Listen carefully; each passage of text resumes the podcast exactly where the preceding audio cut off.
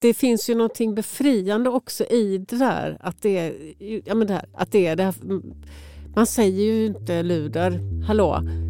men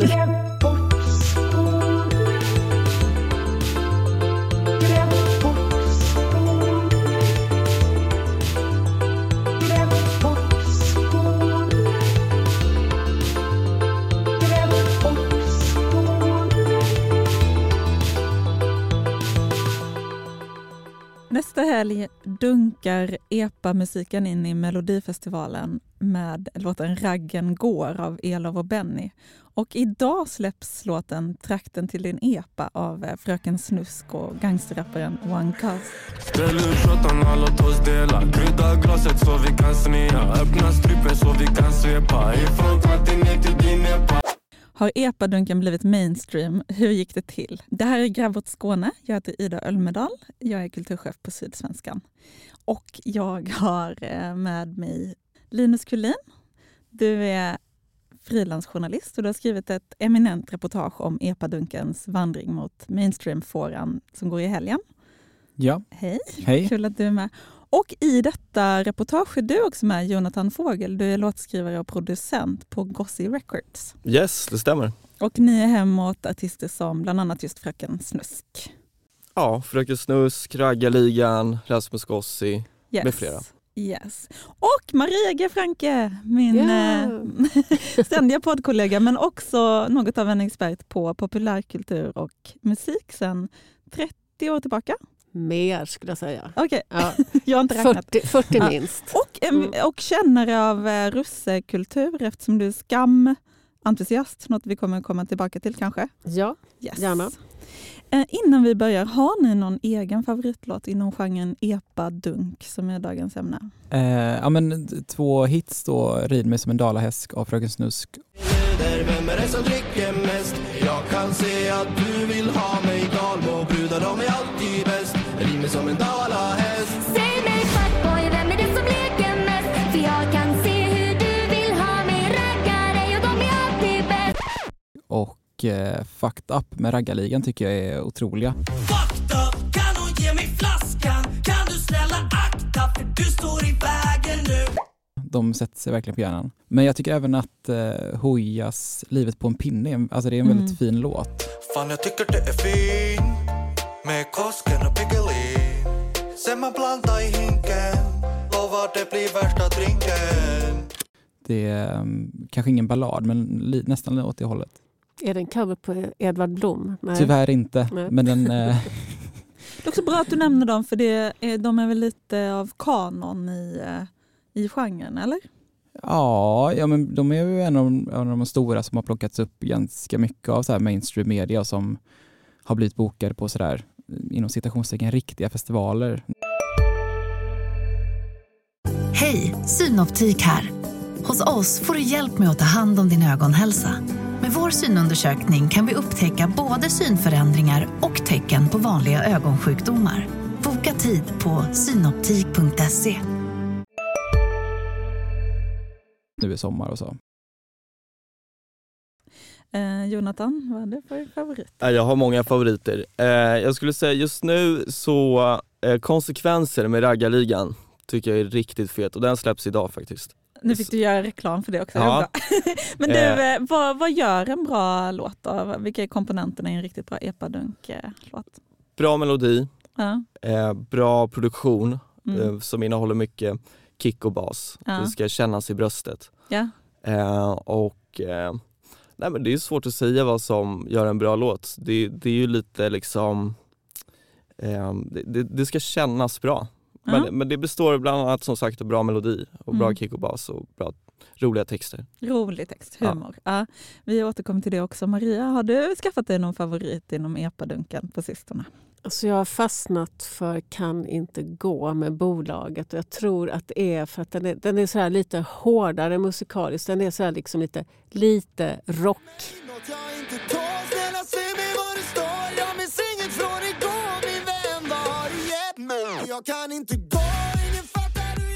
Det är så, cowbell. Jag är mycket förtjust i cowbell. Så att, eh, den, den fångade mig också i det. Mm. Jag har försökt spåra ordet epadunk eh, senaste året i mediearkivet. Det visar sig att ordet epadunk förekommer inte i mediearkivet alls före 2000, eller 2021. Däremot ordet epadunkel används. Som då det här eh, liksom mörkret i epan i samband med någon konstutställning i Värmlands Folkblad. Men sen så, det, det, liksom själva begreppet, såklart inte genren, men begreppet exploderar i medier efter att DN har publicerat sitt reportage om här är artisterna som får epatraktorerna att skaka i somras. Så först då i, i mainstream-media. Eh, Däremot så finns det ju såklart på TikTok och så innan dess. Um, men sen eh, om man bara ska följa dess, eh, dess väg mot urvattning så kan man nämna att eh, i november så efterlyser Tone Schunnesson i Cyklopernas land en debatt om Rid mig som en dalahäst i linje med debatten om gangsterrappen. Och det är helt sjukt att det inte har funnits en kulturstilig debatt om epadunket. För de säger så sjuka grejer i den låten. Om de hade vetat det här på Expressens kulturredaktion, då hade topplogget flugit av. Men det är en skitbra låt, jag vill verkligen säga det. Och sen i slutet av november så står det klart att Elof och Benny ska vara med i Melodifestivalen. Eh, och eh, 27 december så kommer nyordslistan från Institutet för språk och folkminnen. Och då är epadunken med definierad som en musikgenre som förknippas med A-traktorer, i folkmun kallade epatraktorer. Och sen kommer dödsstöten när Björn Wiman 14 januari i år hänvisar till Hoja i en text om eh, dunjackor. Nu är det kört. Nu är Det det är kört. Eller är det kört, eh, Linus? Vad, eh, har, har epadunken blivit mainstream? Och är det dåligt för genren i så fall? Ja men det har den ju. Alltså de exemplen du radar upp här. Och att jag tänker generellt att när någonting tar plats i Melodifestivalen då är det inte edgy längre. Nej. Då kan liksom, eh, vad är det, 3-4 miljoner tittare acceptera det så att säga. Eller vad man nu tycker om det. Så ja, den har blivit, mainstream eh, men om det är bra eller det är dåligt det, det är upp till lyssnarna att avgöra tänker jag. Eh, och liksom en publik utvecklas ju och det är klart att när den blir större så kanske de, de första lyssnarna, de som liksom tog, tog genren till sina hjärtan från början känner så här, det här är inte riktigt mitt längre. Eh, men den får ju fler lyssnare och större publik. Mm. Eh, sådär. Mm. I ditt reportage så intervjuar du ju ett par tjejer som åker epa. Och en av dem heter Elinor och hon Mm. säger ju att ja, men nu, nu lyssnar fjortisarna på Ja. min musik. Ja, Så eh, det, det finns ändå någon sorts eh, vilja att bevara det autentiska.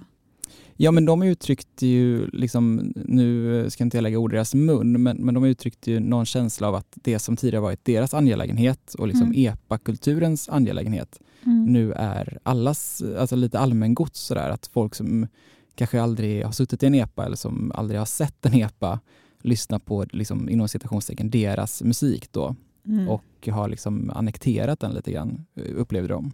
Men alltså, är det inte värre, borde det inte, är det inte värre att en sån som jag lyssnar på det än att en 14-åring egentligen? Det borde, vara- det borde vara mer dödsstöt liksom, för genren. Men jag tror inte de menar fjortis som 14-åring utan fjortis som...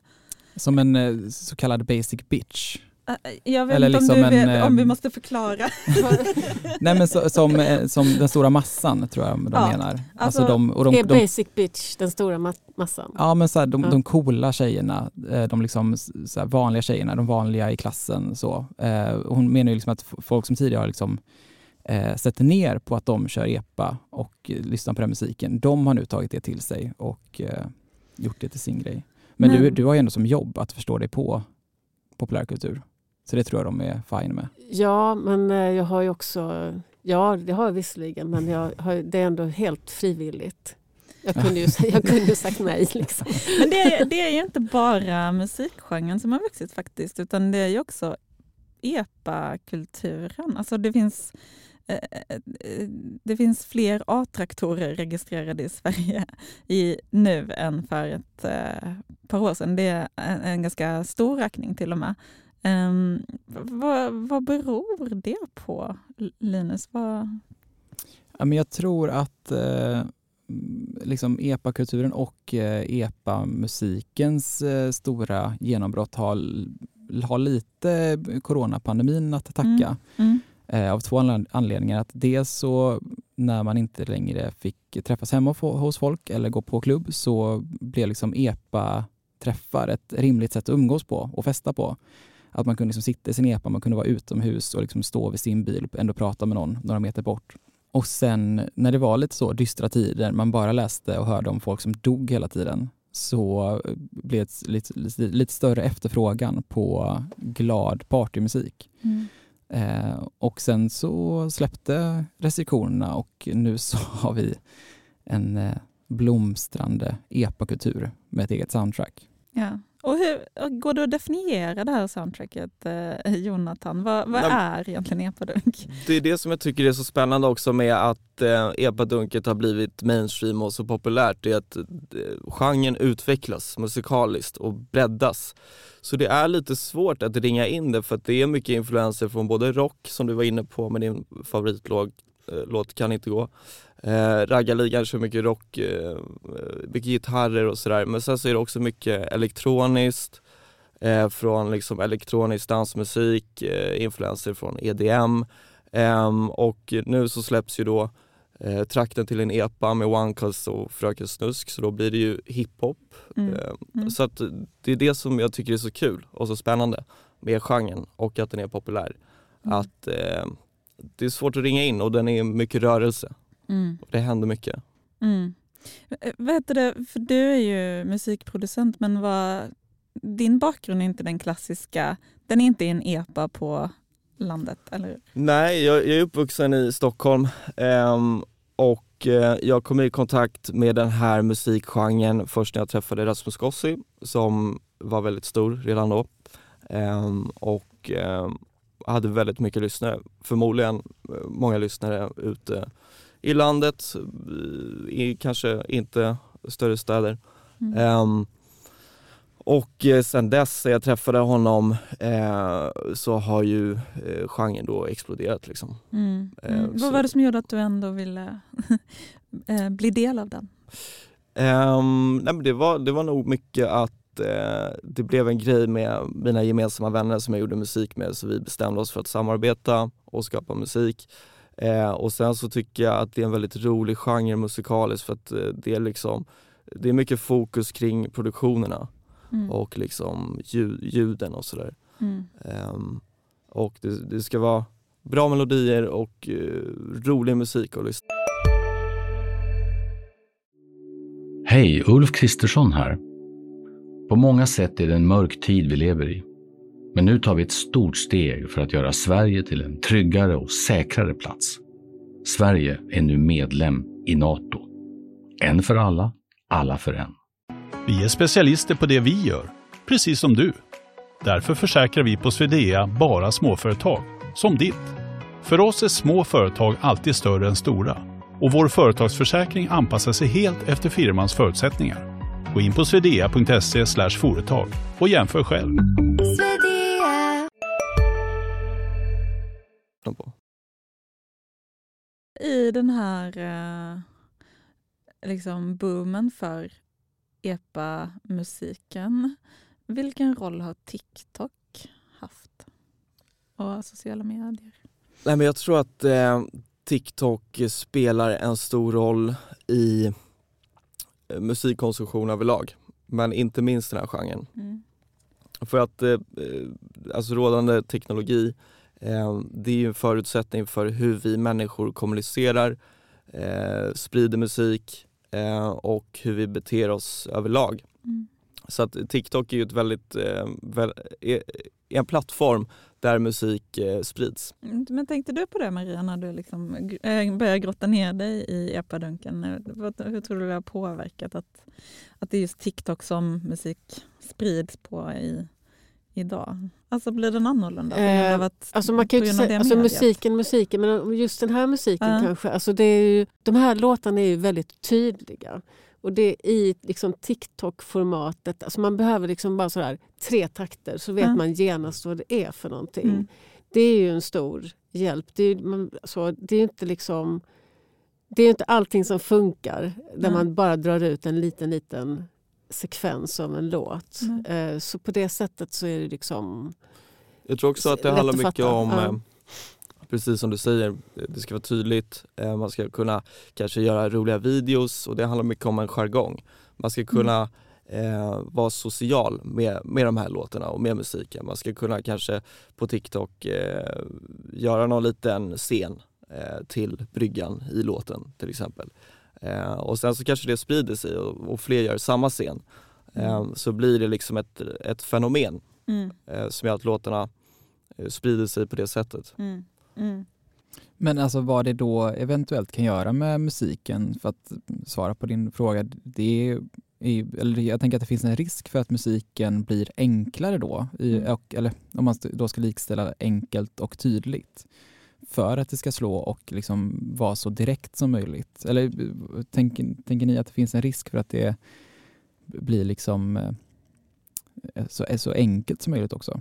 Men finns det inte liksom plats i genren både för de liksom otroligt sådär enkelspåriga, eh, hårt sådär kanske standardiserade låtarna och liksom sånt som är lite sådär vildare och som plockar in mer influenser från andra genrer som Ja, Eller? och sen, sen så Mm. tror jag att det, det kanske inte är så svart, eh, svart och vitt som att eh, det måste vara enkelt för att det ska spridas utan jag tänker mig att alltså ett roligt internetfenomen kan ju, behöver ju inte vara enkelt. Alltså det kan ju Nej. vara liksom väl, något humor kring någonting väldigt abstrakt.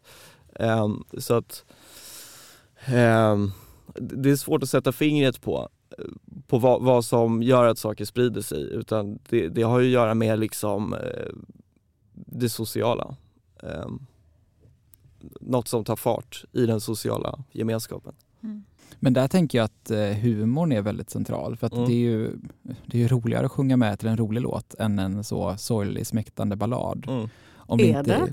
Ja men eh, i, i en kort TikTok-video kanske det är. Ja. Om det inte är en så ballad som har blivit större än sig själv. Men, men det är ju sant Mm. också, alltså är det det? För att det är lite det jag är inne på. Ehm, humor kan ju vara liksom, det, det kan ju vara ironiskt kring en ballad till exempel, så det måste ju inte vara en rolig låt utan det kan ju vara humor kring en sorglig låt för att, Mm. eh, för att det blir en viss typ av jargong. Ja men då tänker jag att den låten behöver ha blivit ett fenomen först. Alltså du Mm. kan göra det med Total Eclipse of the Heart.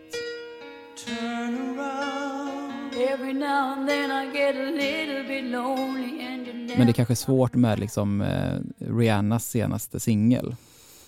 Innan Ja, den har blivit, eh, innan folk har den referensen. Nu, nu sitter jag bara och tänker högt här.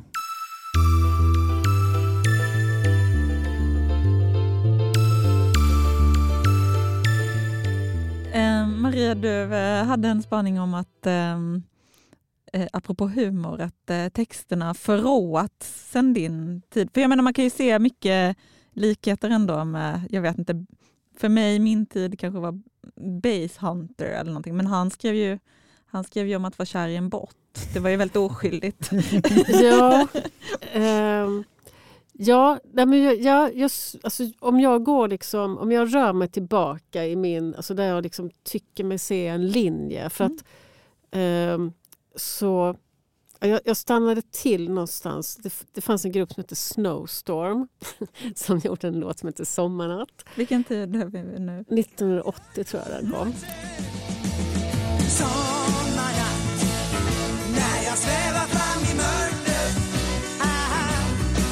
Och eh, det var liksom så här ut och dra på stan-låt, sommarlåt, festlåt då.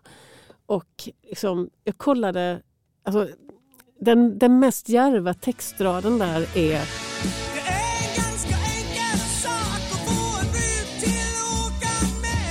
Och det, det, var liksom, det kändes väldigt djärvt då. eh, men det är, så här, det är ju ingenting. Eh, och sen, alltså om man då jämför med strypsex i ditt garage. Så, någonting har ju hänt på vägen. Det är ju förråing på något sätt av tilltalet.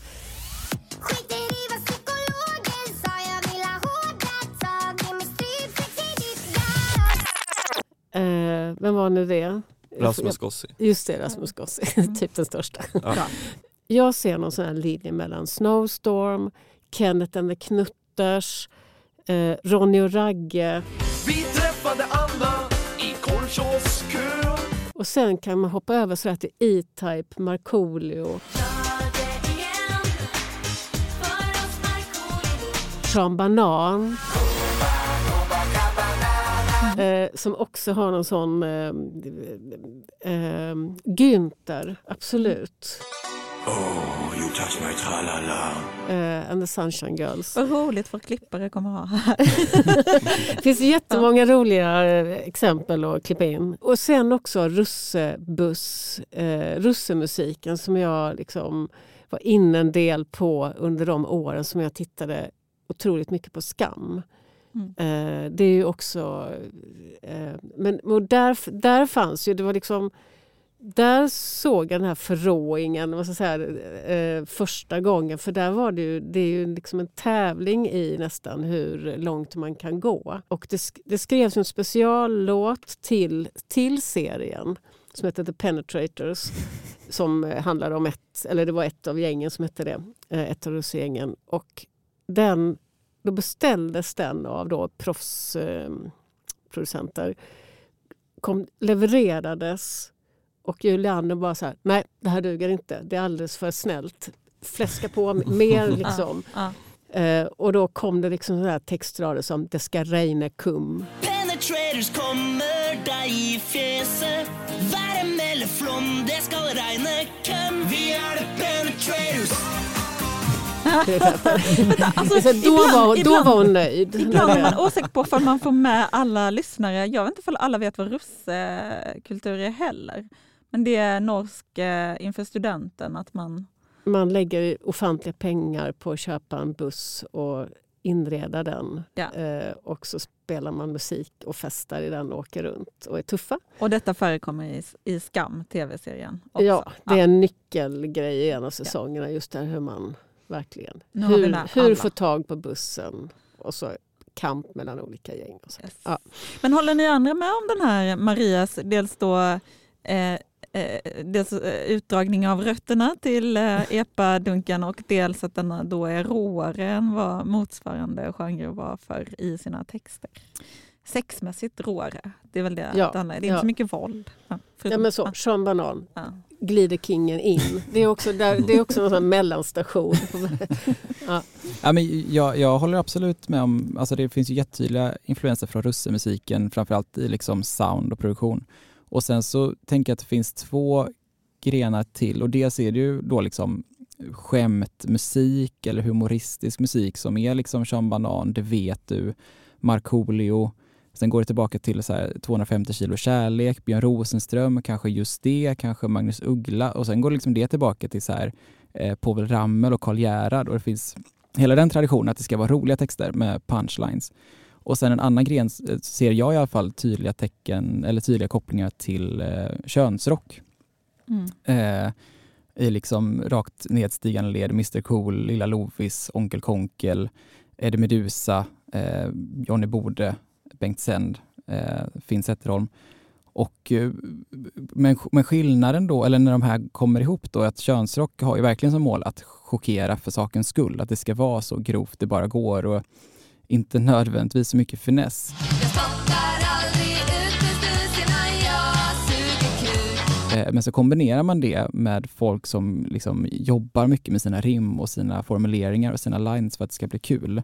Och då får man epadunk, att, eh, plus då russe, själva dunket då. Att det är kul och det är grovt och det är snuskigt men det är liksom eh, inte bara för sakens skull. Nej precis, jag, jag håller med. Alltså när, när det är snusk och sånt i texterna, då är det inte bara för sakens skull för att det ska vara eh, snuskigt utan då ska det ju finnas någon finess med och det ska finnas en jargong. Eh, sen så drar jag också mycket paralleller till eh, annan musik som har varit populär, alltså till exempel hiphopen. Eh, där är ju också väldigt grova texter. Eh, och eh, jag jag vet inte vad man ska dra för slutsats av det men Kanske att eh, liksom eh, den här eh, råheten, eh, det, det är inte bara en utveckling som sker i just epadunk utan kanske i andra musikgenrer också. men eh, hiphop har väl i och för sig varit rått under längre tid. Men det är lite kul ändå att det sker, alltså jag menar i så fall om det här stämmer så har det ju förråats parallellt med att ungdomar eh, super mindre och har mindre sex. Ja just det. Mm. Alltså att det är någonting med, och jag menar det är väl någonting med sexualitet överhuvudtaget. Eh, förlåt, nu blev det, det blev pretto liksom.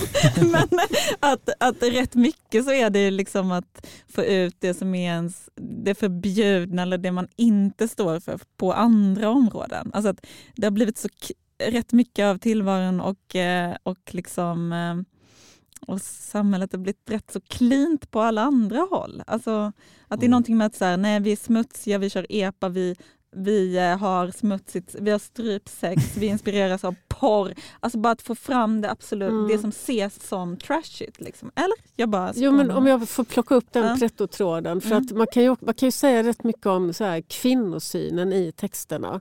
Det är ju, inte, det är ju liksom, det är väldigt okorrekt. Mm. Eh, och det, är ju, det finns ju någonting... Eh, alltså det är mycket sådär hora och luder och så. För du är ett riktigt luder Du hukar dig ner och bara suger Eh, Dock måste man men- säga i men- den här superkända Fröken Snusk-låten att ordet fuckboy är ju ganska ny. Mm. Alltså det men det ju låter ju liksom lite gulligt. Det låter alltid lite gulligt när det är på engelska. men det det är mer feministiskt så- än det hade varit för 20 år sedan. Men Ja, fortsätt. kanske. Nej, men jag tänker att eh, det finns ju någonting befriande också i det där. Att det är, ja, men det här, att det är det här. Man säger ju inte luder, hallå. Men det, det, det är också det som är, det gör ju någonting när man liksom eh, får det i lurarna rakt in i huvudet. Det är också något ehm, Ja, jag, det är jag, skönt att bara släppa allt på något Ja. sätt. jag tror du är inne på en bra poäng där. Att eh, det, det, är liksom, det har någonting att göra med i sådana fall att eh, det, det ska vara en punchline som liksom, eh, ja men det stinger till lite. Det ska Mm. vara lite busigt, lite roligt. Mm. Och då, då blir det lite mer Lite mer edgy och bara lite mer roligare upplevelse. Men, Men- men här tänker jag också att det finns eh, en viktig, viktig faktor här att det är ganska många tjejer som utövar den här genren. Som Fröken Mm. Snusk och Sofie Svensson och Louise Andersson Bodin och många fler. Att då sanktionera de det här grova språket lite grann. Att man säger, ja men Rasmus Gossi han är ju, han är ju bästa kompis med Fröken Snusk. Då liksom tar man det som en garanti för att han egentligen är en skön kille. Och så liksom eh, känns det lite mer okej att man förstår att det är mer på skämt. Jag tänker att det kanske var svårare för när oftast killar hade lite monopol på könsrock och den här typen av grova texter. Att då kanske inte var lika lätt att som tjej komma in och tänka det här är ju- bara på kul, det här är ju också min genre. Men nu tror jag Mm. finns, att det är viktigt att, eh, att det är liksom både tjejer och killar som står för de här texterna. Jag tror, och det levererar skill- dem. ja, jag tror absolut det är skillnad. För Magnus Uggla blev ju, han, han kallar ju också, han var ju också väldigt hår, hade väldigt hårda, hårt språkbruk kring kvinnor Mm. eh, och blev också väldigt kritiserad för det då. Alltså sådär i slutet på 70-talet särskilt. Ehm, Kallar tjejer för biff och sånt där. ja, alltså ja, nej men allt möjligt. Men, och det var att ju, ragga brudar har blivit en sport.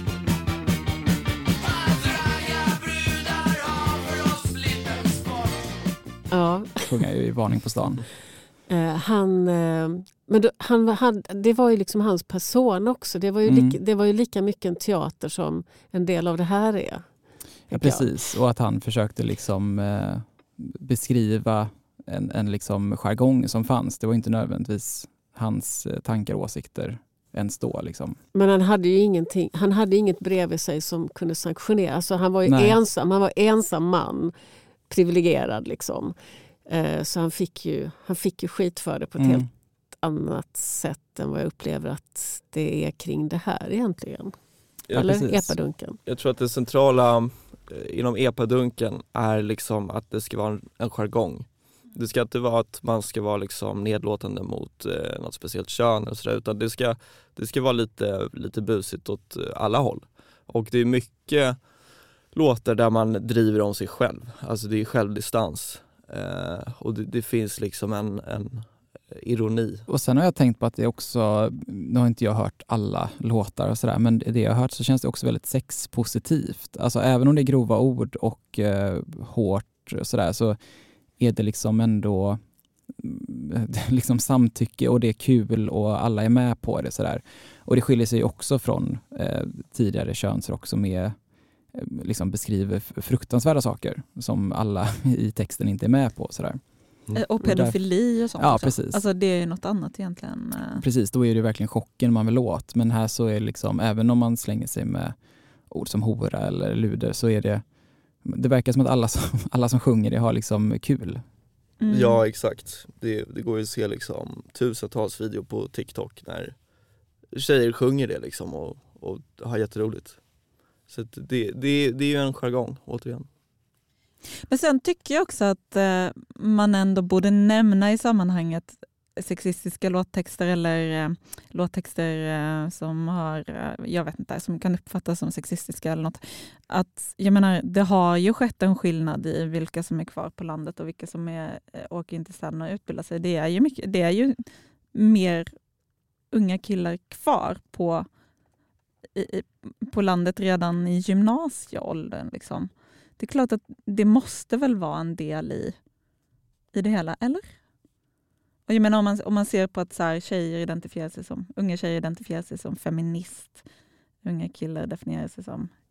Men det Gay. gör ju inte alla Nej. unga Nej. tjejer. Jag tror Nej, att men, jag- nej, men, ja. nej, jag vet, men på statistisk nivå, när man kollar Mm. i statistiska undersökningar så drar ju värderingarna isär mellan unga killar och unga Mm. tjejer är sant. idag mer än för 20 år sedan. Man måste ändå ha nämnt, det är klart att det spelar lite roll i vilken... Ja, och, och det är klart att det är, det är jätteproblematiskt. Det är svårt att veta hur folk lyssnar på de här texterna och hur de tolkar det. Att om man tolkar det bokstavligt och tycker så här, fan vad skönt det här är. Det är ju, det är ju osoft liksom. Alltså jag menar Och- inte det som att det är problematiskt med låttexterna, utan bara att det måste ju ändå någonstans vara en yttring för... Eller det skulle vara konstigt för det där inte syns i kulturen. Alltså Mm. mer så. Ja, men det Mm. kanske, de, texterna kanske tolkas helt olika beroende på vilket kön du identifierar dig med Ja. när du lyssnar på det. Om, om den här skillnaden liksom finns, Mm. som du pratar om. Jag tror också att det tolkas väldigt olika om man... Eh, du Jonathan, Jonathan kallar det för jargong. Jag tänker så humor. Eh, att, eh, alltså, man, man måste ha ett visst mått av sådär, kom igen katten, det svänger ju. Ja. Eh, och att man tycker det är kul. Ja. Eh, för att... ehm, ja, för att det ska funka. Ja. Ja, det tror jag. Jag tror att inställningen eh, som de flesta har till den här musiken för att den är så populär, Mm. det, det är lite den inställningen som du är inne på att liksom det, det, det är skönt, det är, liksom, det är humor. Det ska, Mm. det ska vara lite kul. Och sen Mm. så finns det inget djupare problematiskt med det utan det är lite busiga fula ord här och där liksom. Eh, Mm. Men jag vet inte, personligen så ser jag inte så mycket mer än så.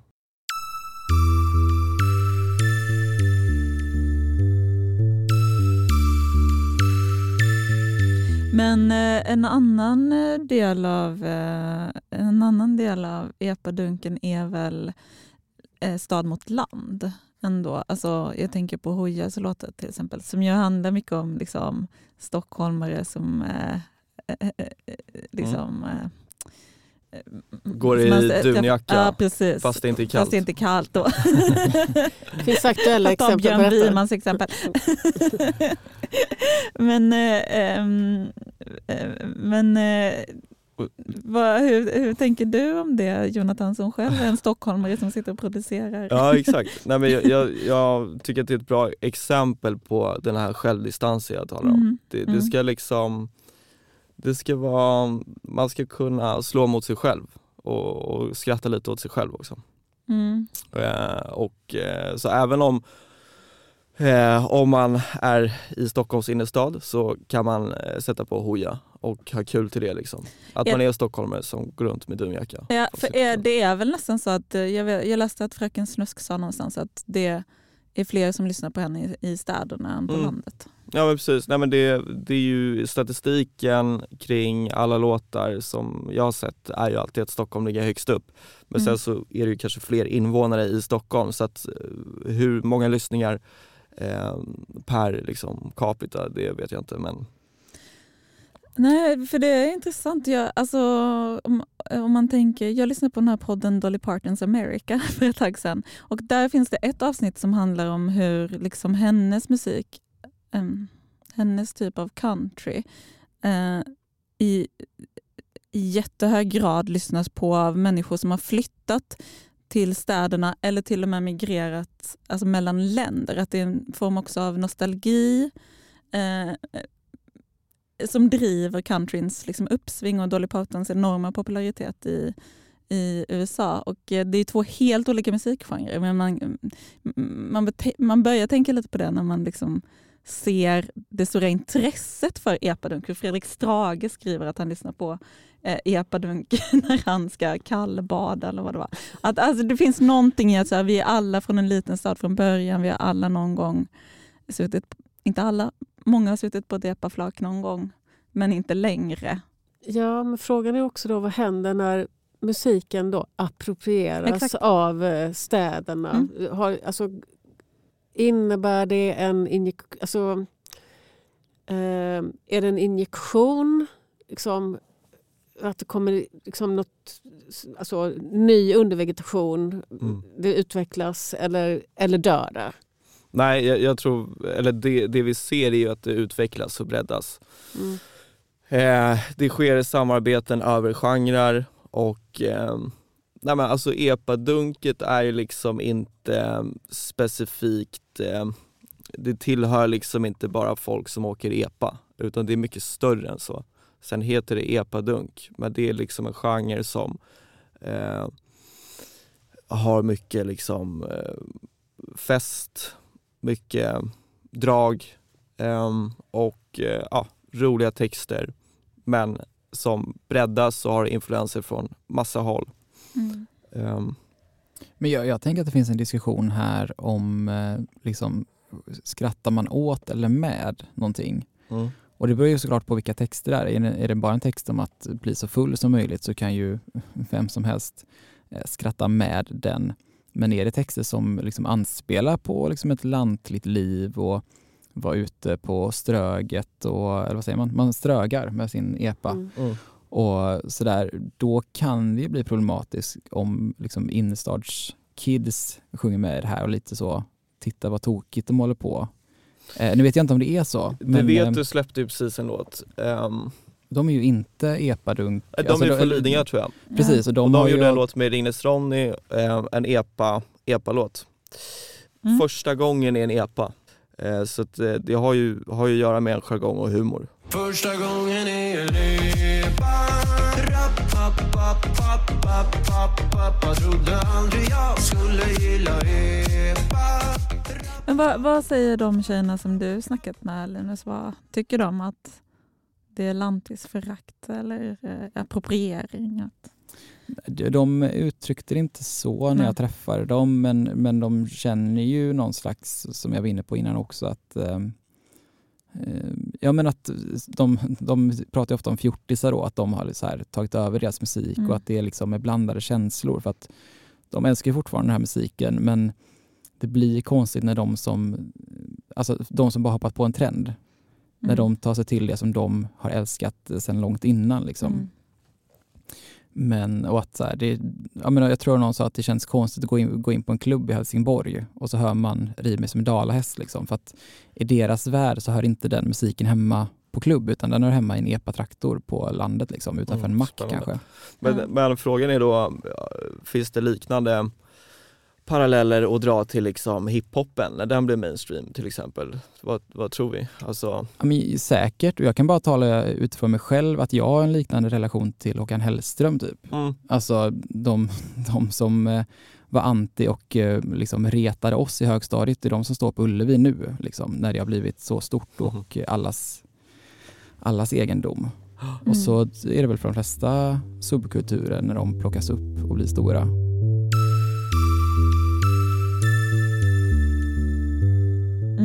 Vad tror vi om framtiden för genren då? Eh, nej men det, det är ju det som är så roligt som jag var inne på tidigare att eh, det är ju en genre i ständig musikalisk utveckling och det är så Mm. mycket kreativt, eh, kreativa samarbeten som händer. Eh, här om veckan så släpptes första eh, epa-balladen Raggar i himlen med Fröken Snusk. Jag har svårt att andas Alla stunder som vi fuckat ur min vän och du kunde inte stanna Ehm, och eh, ja, det var något eh, nytt för mig i alla fall. Ehm, och eh, nej men, framtiden för genren tror jag bara är att den kommer bli bättre och bättre, den kommer bli bredare och bredare. Vi kommer se helt nya fenomen. Vad tror du Linus? Ja, men jag tror att eh, nu Melodifestivalen är bara första steget. Alltså, jag tror redan de håller på att boka till Allsången någon, någon artist och kanske så sommarprat av Fröken Snusk och eh, som du säger samarbeten. Jag tror att liksom eh, så att säga så folkkära mainstreamartister kommer börja samarbeta med det här och ta influenser för att det är liksom det är det som är stort nu och då kommer folk vilja haka på och få en bit av kakan liksom. Ehm, och sen, ja, och eventuellt då att de som har varit med länge då och kört EPA, att de känner ännu mer att det här är inte vårt längre. Men eh, ja, det, det tror jag, men det får ju tiden av utvisa. Jag sitter bara här och killgissar lite. Mm, Maria, du som erfaren musikskribent. Ja, men jag tänker att det, det är ingen slump att låten som ska vara med i Melodifestivalen heter Raggen går och att den Mm. inte heter Strypsex i ett garage. Nej. Alltså, eh, nu är det liksom ett, ett lager av epadunkar som är på väg ut i de där super mainstream eh, follorna. Ehm, och att, eh, nej men det, jag tror verkligen det lämnar öppet för eh, kanske mer förråing som är då mitt favoritämne för dagen. Men alltså olika, eh, att det blir liksom djärvare, eh, djärvare texter och liksom kanske sådär ännu sådär hårdare också musikaliskt eh, för då Eftersom fins, för epa-finsmakarna. Liksom. Just det, för att det utvattnas på andra håll. Ja. Ja. Jag, kan, jag kan säga själv, för jag sa aldrig min favorit eh, epadunk-låt. Därför att jag- jag var lite liksom, nervös inför att vi skulle ha det här samtalet. För att, inte för att jag inte känner att jag alls eh, hört genren utan snarare för att den tillhör mina tonår så himla mycket. För jag kommer liksom från Munka Ljungby, från landsbygden och eh, det var folk som körde epa där jag kommer ifrån. En av mina bästa kompisar, Emily, hade en epa med rosa inredning och Wunderbaum och allting. Underbart. ja, det var, men grejen är att jag tyckte inte det var så underbart då. Jag ville ju ifrån det då. Så när jag började lyssna igenom de här listorna så kände jag lite ångest. Liksom. Men sen upptäckte jag att den här låten I en rosa helikopter var med. I en rosa helikopter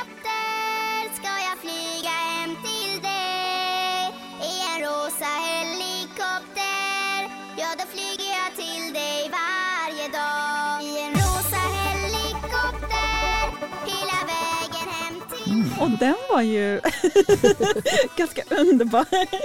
Och det var liksom som en madeleinekaka att jag bara for tillbaka till när vi hade, vi hade en sorts russebuss. Det fanns en lila buss där det stod med gul text Bassholma på. Bassholma bussen som körde runt som man satt och drack öl i.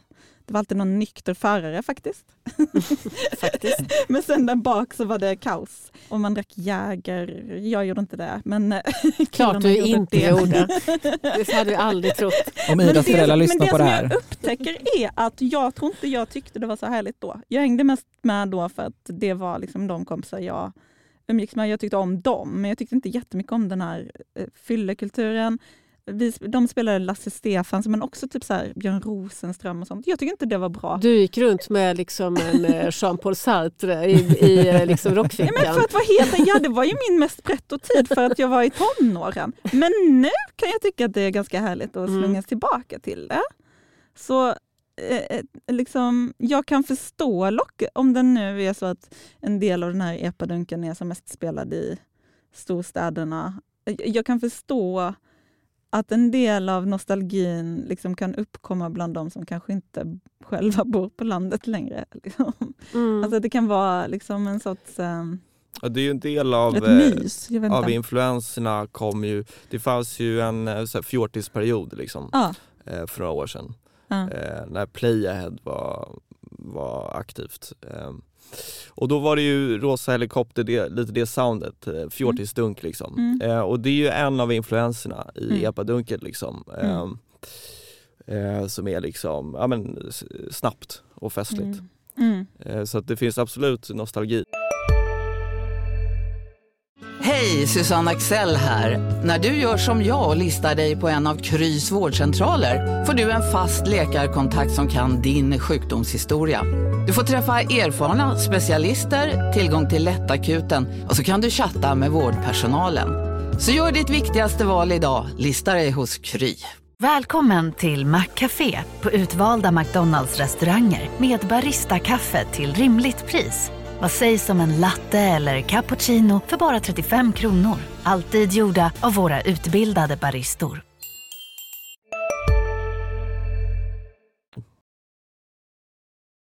Men jag tror också att alla behöver, även om inte alla fattar det, så behöver alla någon musik att ibland lyssna på och där man liksom bara kan... Eh, men sådär. Och detta är inte att... Och jag vill, detta är inte att förringa genren eller liksom... Alltså man, bara, alltså man behöver något hjärndött. Mm. Liksom. Mm. Eh, som man, man kan stänga av allting och man får och man blir glad. Eh, och det, det är roligt och man, man går bra till det. Man kanske, om man är en sån som springer, det är inte jag, då kan, kanske man springer bra till det också. Eh, alltså det är så här aktivitets... Få, igång, få igång sig liksom. Det här lät helt förvirrat kanske.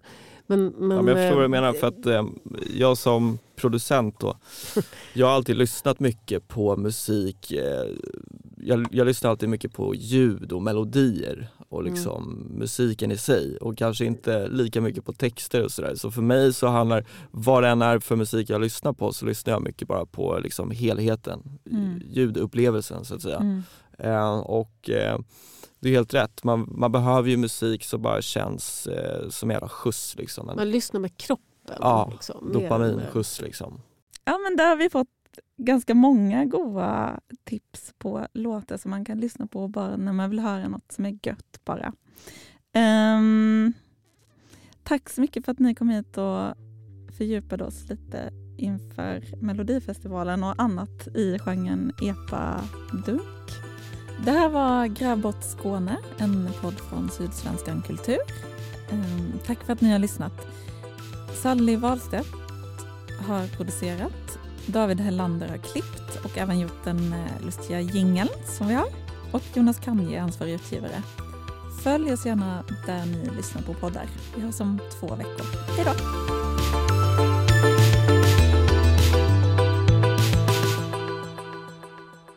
Alltså det är mycket sådär hora och luder och så.